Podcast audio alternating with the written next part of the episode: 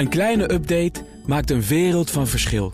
Daarom biedt IKEA voor Business Netwerk gratis snelle interieurtips en ideeën. Word gratis lid en laat je werkplek voor je werken. IKEA, een wereld aan ideeën. BNR Nieuwsradio. BNR Zaken doen. Thomas van Zeil. Waar gaat het mis als ziekenhuizen failliet dreigen te gaan? De investeringstop in Saoedi-Arabië en beleggers die langzaam maar zeker bedrijven gaan dwingen aan duurzaamheidscriteria te voldoen. Er is weer veel te bespreken in ons boardroom panel. Bestaat deze week uit Louise Gunning, voorzitter van de Raad van Commissarissen bij Schiphol Group en OMVZ. Ook kroonlid van de SER en voor het volgende onderwerp net zo relevant. Oud bestuursvoorzitter van het AMC. Sjoerd Vollebrecht is er ook. President-commissaris bij bouwbedrijf Heijmans en non-executive director bij Farmaceut Mylan.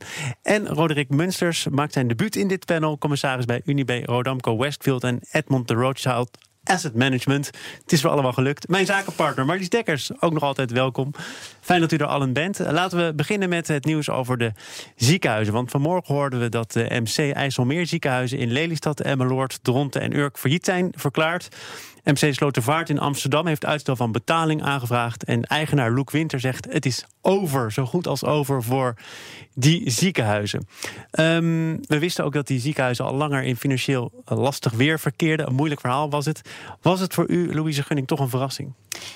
Nou, het moment zelf is natuurlijk altijd toch even een, verrassing. Ik zit zelf niet meer uh, in het uh, bestuur van een ziekenhuis. Anders hoor je dat nog wel eens in de wandelgangen. Maar dit had ik niet eerder gehoord. Het verbaast me niet, want eigenlijk is het al 20, 15 jaar geleden dat we niet zozeer over de financiële haalbaarheid van die ziekenhuizen gesproken hebben, als wel over de behoefte aan die capaciteit. Want uh, dat blijkt nu ook uit de berichtgeving. Er komen te weinig patiënten. Er werken misschien ook wel te veel mensen. Uh, de minister heeft aan de Kamer ook laten weten. als deze ziekenhuizen wegvallen. is er eigenlijk qua aanbod geen enkel probleem. Is dat de kern van waar we het hier over hebben? Ja, ik denk het wel. En ik denk dat het heel moedig was dat Loek Winter in de tijd dacht. dat hij met zijn manier van werken in staat zou zijn. die ziekenhuizen op op een andere manier een rol te laten spelen in die regio. Nou, dat is niet gelukt. Uh, en nu moeten die patiënten overgenomen worden door andere ziekenhuizen. Ja. Sjoerd Vollebrecht, hoe kijkt u naar deze kwestie? Ja, ik, vraag me af of je als ondernemer uh, in deze fase wel erin moet stappen. Um, het, het, is een complexe materie. Het een heel groot bos waar een heleboel uh, dode bomen in zitten, boomstronken. Dat moet je eerst wieden. Daar moet massief geld in om een nieuwe architectuur neer te zetten. En als je dan tegelijkertijd onder druk van uh, kostenbeheersing die verandering moet gaan betalen als privé-investeerder of als commerciant, dan is dat een, misschien wel twee bruggen te ver. Nou, Luc Winter heeft overigens gezegd ik heb nooit gedacht dat ik met zorg geld zou verdienen. Het geld dat ik ermee zou gaan verdienen zit hem in het vastgoed. Ja, logistiek doe je dat ook. Hè. Je wordt rijk eh, en je pensioen verdien je aan het vastgoed... en je werkt je hele leven met eh, vrachtauto's om te zorgen dat je overeind blijft. Uh, ik denk dat deze materie wel heel complex is. Nou, het is ook een beetje cynisch om het vastgoed voor de patiënten als de belangrijkste asset te beschouwen. Nou, misschien als ondernemer. Als ondernemer misschien wel, maar ik ken Luke toch ook als hij komt uit de zorg. Hij was ook een goede dokter. En ik denk dat hij op een aantal terreinen echt heeft laten zien dat uh, geconcentreerde activiteit uh, ervoor kan zorgen dat je betere efficiëntie bereikt. Maar bij een algemeen ziekenhuis, zoals in IJsselmeer ziekenhuizen en Slotervaart ziekenhuis, is dat een hele moeilijke propositie. Maar, dan toch nog even over de man, want die is toch ook wel van belang in deze kwestie. Uh, ik heb in profielen uh, over hem gelezen en ik heb hem zelf ook overigens mogen interviewen in dit programma. Ik ben geen idealist, ik ben ook geen springkaan, ik zit er ergens tussenin. Maar ik moet toch ook wel kijken naar de markt. Ik ben hier niet alleen maar om goed te doen voor de wereld. Nee, dat snap ik. Maar wij hebben met elkaar een zorgsysteem waarin we in de loop van de tijd geleerd hebben dat uh, het toenemen van het volume nodig is om de kwaliteit goed genoeg te brengen. En dat als je die kwaliteit goed geregeld hebt, het, uh, de vraag is of als je er één onderdeel uithaalt, zoals een ziekenhuis, of je dan in staat bent om het winstgever te maken dan iemand anders. Maar worden we nu minder ziek? Of was het eigenlijk al te veel ziekenhuizen toen de tijd? Het is al heel lang dat we teruggaan met het aantal ziekenhuisbedden. We hoeven patiënten niet zo lang meer op te nemen. En we hebben geleerd dat als je veel patiënten behandelt van dezelfde soort, de kwaliteit echt toeneemt. Dus verspreid patiënten behandelen is gewoon minder goed. Roderick Munsters. Ja, wat je ook ziet is dat we marktwerking willen hebben in de zorg. En eh, markt betekent af en toe ook dat dingen niet lukken en fout gaan. Dat is niet leuk, daar eh, zit niemand op te wachten... maar dat is wel een economische consequentie af en toe. En daar lopen we nu tegenaan. Ja, ik, ik las een analyse waarin werd gezegd... Hè, mensen zeggen nu, het systeem werkt niet. Anderen zeggen juist, het werkt wel, want bij marktwerking hoort dat het af en toe misgaat. Eh, Tot welke school behoren jullie hier aan tafel? Eh, ik denk deze fase. Ik, ik denk dat je moet echt naar een revolutie toe met allerlei nieuwe technieken. Je ziet dat wel gebeuren in, Rotterdam ziekenhuis toen het nieuw werd gebouwd. Maar dan kan je van, van start, van scratch beginnen, zoals dat heet. En dan pas je de laatste technologie toe en, en dan kan je het helemaal inrichten. Een bestaand complex systeem ombouwen is tien keer zo moeilijk. En het is dus lovenswaardig dat een ondernemer dat doet. Ja, dan stoot je een keer je neus. En dat is hier dan vrij fors geweest. Ah, het grappige is dat Peter Bennemeer dat natuurlijk met Bernhoven wel voor elkaar gekregen heeft. Dus niet een commerciële omgeving. Maar hij heeft wel de opdracht aanvaard om dat ziekenhuis echt anders vorm te geven. Niet alleen als eigen organisatie, ook maar met de partners in de regio, met de huisartsen eh, en met de medisch specialisten. En die heeft die revolutie wel voor elkaar gekregen. Dat is ui- uiterst knap. Maar Ja. heeft een vangnet eh, geregeld. Heeft medestanders heel veel tijd Ja. genomen. Bij een observants, hè, die doen er ook altijd drie keer zo lang over. En dan werkt het uiteindelijk ook soms eh, uniek. Dus eh, die voorbeelden zijn er. En je ziet grote vernieuwingen. Hè. Men doet de inspanning en soms resultaat. Maar in dit geval, waar ook de architectuur veranderd moet worden. Een algemeen ziekenhuis, wat je noemt, versus een gespecialistisch. Ja, dan moet je even de rust voor hebben die dat opnieuw te kunnen inrichten. En dan moet je ook iemand achter je hebben die die honderden miljoenen op tafel legt. Hoe kun je in, in deze toch eh, zeer gereguleerde markt, al- als het al een markt is, dan zo carte blanche krijgen en zeggen we beginnen met een leeg vel? Want dat is eigenlijk wat je zegt. Ja, dat is afspraken maken. Het is doorbraken durven te doen met de overheid in deze... om dit soort vernieuwingen in te gaan. Want die worsteling die wij hier zien... De totale zorg is te duur. Het gevoel is het moet goedkoper kunnen, maar het lukt maar niet. Dat zie je in Amerika overal en juist bij die ziekenhuizen. Dus dan moet je echt als drie partijen... innovatie, je moet de specialisten er allemaal bij hebben... de zorg en de overheid zeggen... en nu gaan we in 15 jaar het veranderen. En dan beginnen we klein en we bouwen het steeds verder uit. Maar in Amerika is de zorg veel duurder, hè? dus ik weet niet wat je bedoelt. Nee, maar daar gaat het ook fout. In die ziekenhuizen verliezen ook meestal geld. Maar, maar terug naar de materie van Ja. vandaag. De, de markt wordt geruimd, er is overcapaciteit, die wordt uit de markt gehaald. Dat is natuurlijk voor patiënten en voor de medewerkers van de ziekenhuizen een zure pil. Maar het mechanisme werkt wel. Ik bedoel, ik denk dat de ziekenhuizen die overblijven meer kans krijgen om zichzelf te bewijzen en om goede zorg te verlenen. Dus een ziekenhuis moet failliet kunnen gaan. Nou, als we dat met elkaar willen, en marktwerking in de zorg was daar het uitgangspunt voor, dan is dit de mogelijke consequentie. Ik denk dat ziekenhuizen moeten kunnen verdwijnen. Of ze failliet gaan of dat het op een andere manier gebeurt. Eh, daar, daar kun je voor Want kiezen. dit is geen elegante Eh, oplossing, laat ik het zo zeggen. Nee, eh, en misschien hadden ze voor de zomer al eerder naar een andere afloop moeten toewerken in plaats van naar een faillissement. Maar ik ben het er wel mee eens dat ziekenhuizen moeten kunnen verdwijnen. En deze ziekenhuizen staan al twintig jaar op de rol om te verdwijnen, omdat er meer dan genoeg capaciteit omheen is om dat op te vangen. Maar wat bedoelt u dan met verdwijnen? Want dat, is dat nou eufemistisch voor failliet gaan? Of blijkt dat kijk, het niet redt? Een, een algemeen ziekenhuis eh, was 30, 40 jaar geleden in staat om voor een vrij kleine populatie zorg te bieden. Met de innovatie in de zorg, de investeringen die je moet doen in de infrastructuur om dat echt lonend te maken, zie je een concentratie. Dat betekent niet dat er in Lelystad geen zorg meer zou zijn, alleen niet in de vorm van een algemeen ziekenhuis. En je moet dus de, het, eh, de positie en het vermogen hebben om een algemeen ziekenhuis om te toveren tot iets wat in die markt wel een kans van overleven heeft. Ja. Nu eh, opereert een ziekenhuis natuurlijk helemaal niet alleen. Loek Winter wijst, eh, zoals wel vaker, naar verzekeraars. Zegt die contracten die deugen niet, we worden afgeknepen, de marges zijn te laag. De positie van die verzorgverzekeraars, met name Zilveren Kruis, daar gaat het over, die is wel heel erg machtig. Klopt er iets niet in die verhouding? Nou, ik denk dat iedereen nog een beetje aan de spelregels moet wennen. Die zorgverzekeraars die proberen natuurlijk die zorg zo goedkoop mogelijk te houden, zoals Roderick net zei. Wij willen met z'n allen toch graag eh, zo min mogelijk premie betalen, maar wel zoveel mogelijk zorg ervoor krijgen. En dat hebben we aan de zorgverzekeraars overgedragen. Ja, u werkt ook nu voor een zorgverzekeraar, dat snap ik. Maar, maar toch, eh, het is niet voor het eerst dat nu een ziekenhuiseigenaar, maar ook zorgverleners zeggen: we zitten in een model dat eigenlijk niet meer uit kan. Nou, ik, ik twijfel Ja. eraan. Amerika zie je eh, veel meer commercieel werken, verzekeraar tussen personen. Uh, nou, als je kijkt naar de kosten die daar zijn, dat is compleet uit de hand gelopen. het werkt daar echt gewoon niet. Nee. Gewoon Nee. een deur aaien van, van een huisarts en ben je 400 dollar kwijt. Het gaat helemaal nergens over daar. Ja. Het is echt zo slecht geregeld. Ik denk dat dat ook een, een, een vaststelling kan zijn hier aan deze tafel. Hè, dat in Nederland best goed geregeld echt met goed zorg. geregeld. Van kosten En- kwaliteit. De slinger zal misschien knijpen. inderdaad wat meer weer richting overheid gaan. En het ook regionaal op elkaar afstemmen. Dat is wat Bernhoven goed gedaan heeft. Ehm, en dat je de, de verzekeraar daar een rol in geeft, vind ik terecht. En dat die hard onderhandelt namens de patiënten, daar heb ik ook geen probleem mee. Maar de zorgaanbieder moet wel een, een eh, keuze maken voor iets wat kwalitatief hoogstaand genoeg is om het overeind te houden. Ja, en eh, je denkt economisch nog een ander probleem, die, of managementtechnisch. Die zorgverzekeraar is in principe een kostencentrum. En daar ga je dan een commercieel verdienmodel proberen tegenover te zetten.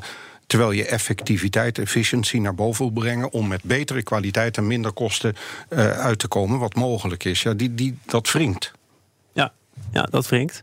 Een Ehm, beetje tijd te ver vooruit, zou je dan zeggen? Of Eh, ja, je, je, je moet soms pas op de plaats Ja. maken om het opnieuw op te bouwen. En dan zeggen, dan gaan we stukken wel vrijlaten en andere stukken niet. Maar het Ja. moet zinvol. Dat is heel moeilijk uit deze bestaande situatie. Het is eh, tijd voor het Boardroom Panel. We zijn al halverwege met Louise Gunning, voorzitter van de Raad van Commissarissen bij Schiphol Group. En ONVZ, kroonlid van de SER geweest. Nee, nog steeds. Nog Ik steeds. moet wel even zeggen hoe het zit. Sjoerd Vollebrecht, president-commissaris bij bouwbedrijf Heijmans... en non-executive director bij Mylan de Farmaceut. En Roderick Munsters, commissaris bij Unibe Rodamco... Westfield en Edmond de Rothschild Asset Management. Zakenpartner is Marlies Dekkers en wij gaan praten over 's werelds grootste vermogensbeheerder. BlackRock verwacht namelijk dat er over 10 jaar 400 miljard dollar in groene ETF zit. Dat zijn die mandjes met allerlei verschillende aandelen van bedrijven die voldoen aan bepaalde duurzaamheidscriteria. Het gaat nu nog om 25 miljard. Dat betekent dus een verzestienvoudiging, heeft de redactie voor mij uitgerekend. Ehm Roderick, wat zegt jou dat? Nou, ik denk dat goed nieuws is dat BlackRock dit, eh, dit zo ziet en ongekend. Dat geeft aan dat we een markt hebben die hard gaat groeien. Ik verwacht zelf dat het nog wel wat harder zal gaan, omdat Oh. consumenten en beleggers het belang van duurzaam ondernemen en duurzaam beleggen meer en meer zullen omarmen. Nou, ik las een interview met de vice-president van BlackRock in de Telegraaf. En hij zei dat hij ervan overtuigd was dat duurzaam beleggen eh, ten koste zou gaan van het rendement. Maar inmiddels is hij overtuigd van het eh, tegendeel. Sjoerd Vollebrecht, ben je ook zo overtuigd? Nou, heel wat gedifferentieerd. Want ik heb ook de andere kant gezien van bedrijven die eh, helemaal geërodeerd werden, maar wel hele ambitieuze eh, CO2 terugbrengen hebben en, en dergelijke. TNT was daar een voorbeeld van. Ehm, en ook bij een pensioenfonds in Amerika, waar eh, men 60% dekkingsgraad heeft. De directie zegt: we gaan duurzaam beleggen. En vraagt het dan aan de deelnemers: zegt, kan je niet zorgen dat het rendement omhoog gaat, dus dat we een fatsoenlijk fatsoen- eh, pensioen hebben? Delen kloppen, maar ik ben er altijd wat voorzichtig mee voor de effecten als je zo ideologisch erin vliegt. Nou, het, het kan in Nederland natuurlijk anders eh, geregeld zijn. Want ik geloof dat onze pensioenfondsen. Hè, we zijn een tijdje terug nog uitgeroepen tot beste pensioenfonds ter wereld. Wel steeds meer die duurzame kaarten trekken, Louise Gunning. Nou, het is natuurlijk interessant dat eh, de samenleving daarin opschuift. Ik ben, eh, zit ook in het bestuur van het VSB-fonds. Dat is een, een, voor een privaat fonds een vrij groot vermogen. Dat moet goed belegd worden. Want uit de rendementen worden heel veel projecten in de samenleving gefinancierd. En dan merk je dat ook zo'n fonds vraagt aan het bestuur om duurzaam te beleggen. Want je kunt niet aan de ene kant maatschappelijke doelen nastreven en aan de andere kant eh, dat niet met je beleggingen doen. Maar eh, het rendement is natuurlijk ook eh, iets wat je in de gaten moet houden, anders kun je geen projecten meer doen. Dus die afweging eh, zie je door de tijd heen. En ik heb het gevoel dat het opschuift in de zin dat er meer mogelijkheden zijn om te beleggen in bedrijven die ook een groen label hebben.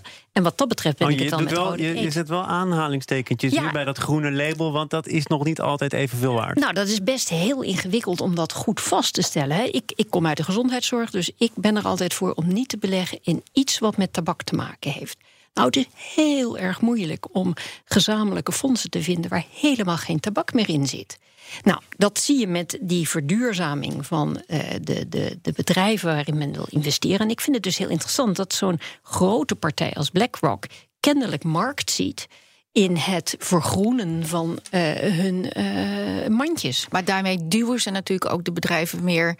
Uh, dwingen ze ze ja. ook. Dus het, het wordt waar. Hebben ze ook dus, gezegd, hè, we gaan ons activistisch voor opstellen. Hebben ze volgens mij eerder dit jaar ook gezegd. De grote man van BlackRock zei, we gaan er ook meer controle uitoefenen. We gaan sturen. De volgende generatie, maar, maar, de millenniums, willen, willen, willen dit. Maar moet je wel een kleine kanttekening maken, denk ik. BlackRock is wel een marketingmachine. Hè? Dat doen ze overigens heel erg goed. Uh, ze verzamelen graag heel veel geld. Um, ja, maar dit is een geluid dat resoneert. Ja, maar eerst zien dan geloven. Um, zeker bij Amerikanen. Aan de andere kant, je hebt in Nederland een aantal pensioenfondsen en vermogensbeheerders met een lange ervaring. Het gaat er niet alleen om om groene bedrijven te vinden. Maar de filosofie vandaag de dag is ook om bedrijven te prikkelen om zich groen te bewegen, om te verbeteren, om uitdagende doelen te stellen. En dan kun je ook markten mee ontwikkelen. Je kunt soms hogere prijzen vragen voor je producten. Je maakt een betere marge. Dus het gaat niet alleen om de, de groene ondernemingen, maar het gaat ook om het beïnvloeden van het gedrag van Dat is de eerste kanttekening. De tweede zag ik aankomen, die komt van Sjoerd Vollebrecht. Ja, ik, ik, hou toch van een simpele wereld. Um, wanneer de consumenten zeggen: wij willen een stuk duurzaamheid hebben, dat drijft in zeer positieve zin bedrijven.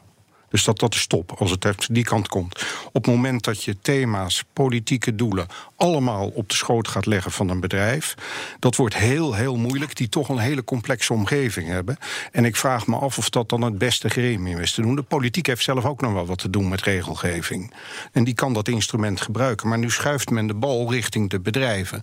En op een gegeven moment Deze oproep komt toch niet van de politiek? Dit is toch BlackRock dat dat nu zegt? Ja, BlackRock zegt, uh, wij, wij, wij zien dat mensen hun eigen waarde terug willen zien in een bedrijf. Eigenlijk wat Louise Gunning Ja, maar ik, ben, ik zit op Roderik's lijn. Er Marketing. zitten jongens die heel veel geld verdienen aan commissies. Als ze iets vinden wat nu vraag naar is. Blijkbaar is een sneeuwbal aan het rollen gegaan. En daar springen ze terecht op. Maar om dan het naar activisme te gaan brengen en dergelijke, het is gevaarlijk. Nou, ik vind het wel passen bij deze tijd. Bijvoorbeeld personeel merk ik gewoon, je krijgt ze niet meer als je zelf als bedrijf daar gewoon niet uh, je mee bezighoudt. Dus het is, een, het is iets wat heel erg leeft in de samenleving. En mensen voelen zich aangetrokken ook om bij een werkgever te zitten die zich uh, daarmee bezighoudt, daar transparant over is. Dus ik vind dat zij ja, daar iets doen wat, wat heel erg bij deze tijd past. En een lekkere zak met beschikbaar stellen. maar de bedrijfsleiding, je ziet het al veel komen. Men houdt mensen niet meer vast als je ze niet continu opleidingen geeft, meer ervaring laat doen. Waarin deze groene componenten, professionals in de drechtsteden, zien we juist deze thema's: duurzaam, ja. en dergelijke. En dat werkt heel goed. Maar dan zit het binnen het bedrijf. En dat is een hele terechte vraag van nou, mensen. Je bedoelt, je moet het er niet een soort Maar dit is vanuit agressief. Ik heb al gezien met dan proxy-voting en dergelijke... worden de verschillende argumenten gebruikt... om een andere agenda voor elkaar te krijgen. Dus ik ben huiverig. Soms ja, en TNT was ook een beetje voor de troepen uit, hè? Ja, maar ik vind, ik vind het heel erg als je mensen hebt die een volledig geautomatiseerd bedrijf, wat zou moeten zijn, continu de computersystemen kapot gaan, alles geërodeerd is, eh, eh, echt werkelijk geen kwaliteit wordt geleverd aan de klant, maar die agenda maar telkens benoemd wordt, dan, heb je de zaken niet op orde. Nee, maar dan dus nee, maar je wil natuurlijk naar NN. En dat is de interessante uitdaging, of het daadwerkelijk gaat lukken om En daar zie je een aantal bedrijven succesvol in zijn. En een voorloperspositie. En dat zie je terug in hogere beurskoersen. En dus profiteren beleggers daarvan. Ja. Ja, over beloningen gesproken, over agenda's, over morele kompassen. Dan nog eventjes de kwestie rondom het Future Investment Initiative in Saoedi-Arabië. Is eh, nu één dag onderweg. Op die eerste dag werd al voor 50 miljard aan deals gesloten. En dat terwijl er toch van alles te doen is over, moeten we daar wel naartoe? Uh, is het als bedrijf wel verstandig om je nu in te laten met de Saoedi's, Louise Gunning, en dan dit bedrag? Is dat uh, verbazingwekkend? Nou, ik vind het wel interessant Kijk, een heleboel van die deals zullen ongetwijfeld al in de pijplijn hebben gezeten. Dan is dit het officiële uh, moment om het moment. Maar het feit dat men daar terughoudend is geweest, uh, ook met het er naartoe gaan, uh, vind ik wel verstandig. Want het is net wat, wat jij net zei, Marlies. Het is in deze tijd iets waar de publieke opinie ook echt de mening over heeft. En als je daar geen aandacht aan geeft dan, dan, dan kun je fout gaan. En in dit geval met de Saoedi's zijn we nog niet aan het eind van het verhaal hoor. Dus ik, uh, ik zou daar ook voorzichtig geweest zijn als ik heel eerlijk ben. Sjoerd Vollebrecht, je zei net al, je moet eigenlijk geen speelbal worden van de politiek. De politiek heeft zijn eigen agenda, moet zijn eigen afwegingen maken. Nu is het zo dat er in Nederland ook twee handelsmissies naar Saoedi-Arabië zouden gaan. De eerste is al afgeblazen, de tweede zou in december zijn. Daarover zegt VNO-NCW, wij volgen direct één op één het standpunt van de politiek. De, de lont is aangestoken, als je doorkijkt, vanuit journalist, publieke arena. Dus daar zit dan het belang van politici om zich te laten zien dat ze die groep willen beschermen. Als er iemand anders uh, was verdwenen, vermoord op een gruwelijke manier, was de consternatie misschien minder groot geweest? Hoe lang is dit al aan de gang met Saudi-Arabië en andere van die regio? Dat is niet 1, 2 jaar. Dit is vele, vele jaren. Ik vond de reactie die kwam van Trump deze keer, vond ik een heldere. Dit is iets wat wij niet willen. Dat heeft hij duidelijk uitgesproken. En zo begint het. Dus het, is een beetje symboolpolitiek. Ja, zeker als je kijkt naar uh, hoe nu de, uh, de, president van Turkije zich opstelt en hoeveel lawaai die maakt. Er terwijl tegelijkertijd tientallen journalisten in de gevangenis zitten daar. Er zit ook machtspolitiek achter in een, in een hele uh, turbulente omgeving in het Midden-Oosten. En hoe moet je dan als bedrijf opstellen? Tussen al die grote machtsinvloeden door? Behoudend, terughoudend. Even de kat uit de boom kijken. Inderdaad, je reputatie goed bewaken. En wat betekent dat? Je stuurt niet meer de topman, maar uh, zijn meesterknecht? Nou, daar, daar, begint het mee. Uh, of, je, of, je, komt helemaal niet. Want de, de, Nederlandse minister van Financiën was samen met zijn Franse collega de eerste die zei: Dit evenement sla ik over. Dat klinkt dan toch wel activistisch? Nou, was hij niet de eerste, maar het is inderdaad verstandig om af en toe even een streep in de zand te trekken en te zeggen: laat, we hebben een aantal principes en daar gaan we niet overheen. Dat vind ik, dat vind ik uitstekend. Um, er zitten principes. Hè. Clusterbommen, daar moet je niets mee te maken willen hebben. Moet je ook nooit ingaan. Maar vervolgens naar Turkije. We hebben uh, Iran. We hebben uh, Polen. Uh, misschien wel iets in België. We hebben iets in Italië, Griekenland. Ga zo maar door. Dus het dijt heel snel uit. Dus ik denk wel dat je, als het uit de hand loopt... en men wil naar economische sancties toe ja, terecht, dan moet je mee als bedrijf moet je op vooruit gaan. Maar ook daar moet je volger zijn, in mijn ogen. Niet in de, voor in de auto zitten om ook dat lawaai te maken. Maar, ja. Jawel, maar het is natuurlijk wel interessant. Dit was een conferentie die bedoeld was om high profile... met veel publiciteit naar de buitenwereld te gaan. Dat je daarvan zegt, daar speel ik even dat spel niet mee... op dit moment met de Saoedi's. Dat hoeft nog niet te betekenen dat je ook daadwerkelijk eh, tot eh, economische sancties overgaat. Want dat is een volgende stap, die moet nog gezet worden. Maar dat je zegt, ik ga niet meehelpen aan die publiciteit, dat snap ik wel. Zo is wel het tweede jaar van de conferentie. Hè. Dus het mooie is, hij krijgt nu veel publiciteit met weinig mensen. Vorig jaar waren er veel mensen, geen publiciteit. Misschien heeft hij toch. Ja, nee, dat, dat wordt er. Davos in de woestijn. We kijken wat de derde editie dan eh, te beloven heeft. Volgend jaar is dat. Maar nu alvast dank ik Louise Gunning, Sjoerd Vollebrecht en Roderick Munsters als deelnemers van het Boardroom Panel. En ook speciale dank aan mijn zakenpartner van vandaag, Marlies Dekkers. Een kleine update maakt een wereld van verschil. Daarom biedt IKEA voor Business Netwerk gratis snelle interieurtips en ideeën. Word gratis lid en laat je werkplek voor je werken. IKEA, een wereld aan ideeën.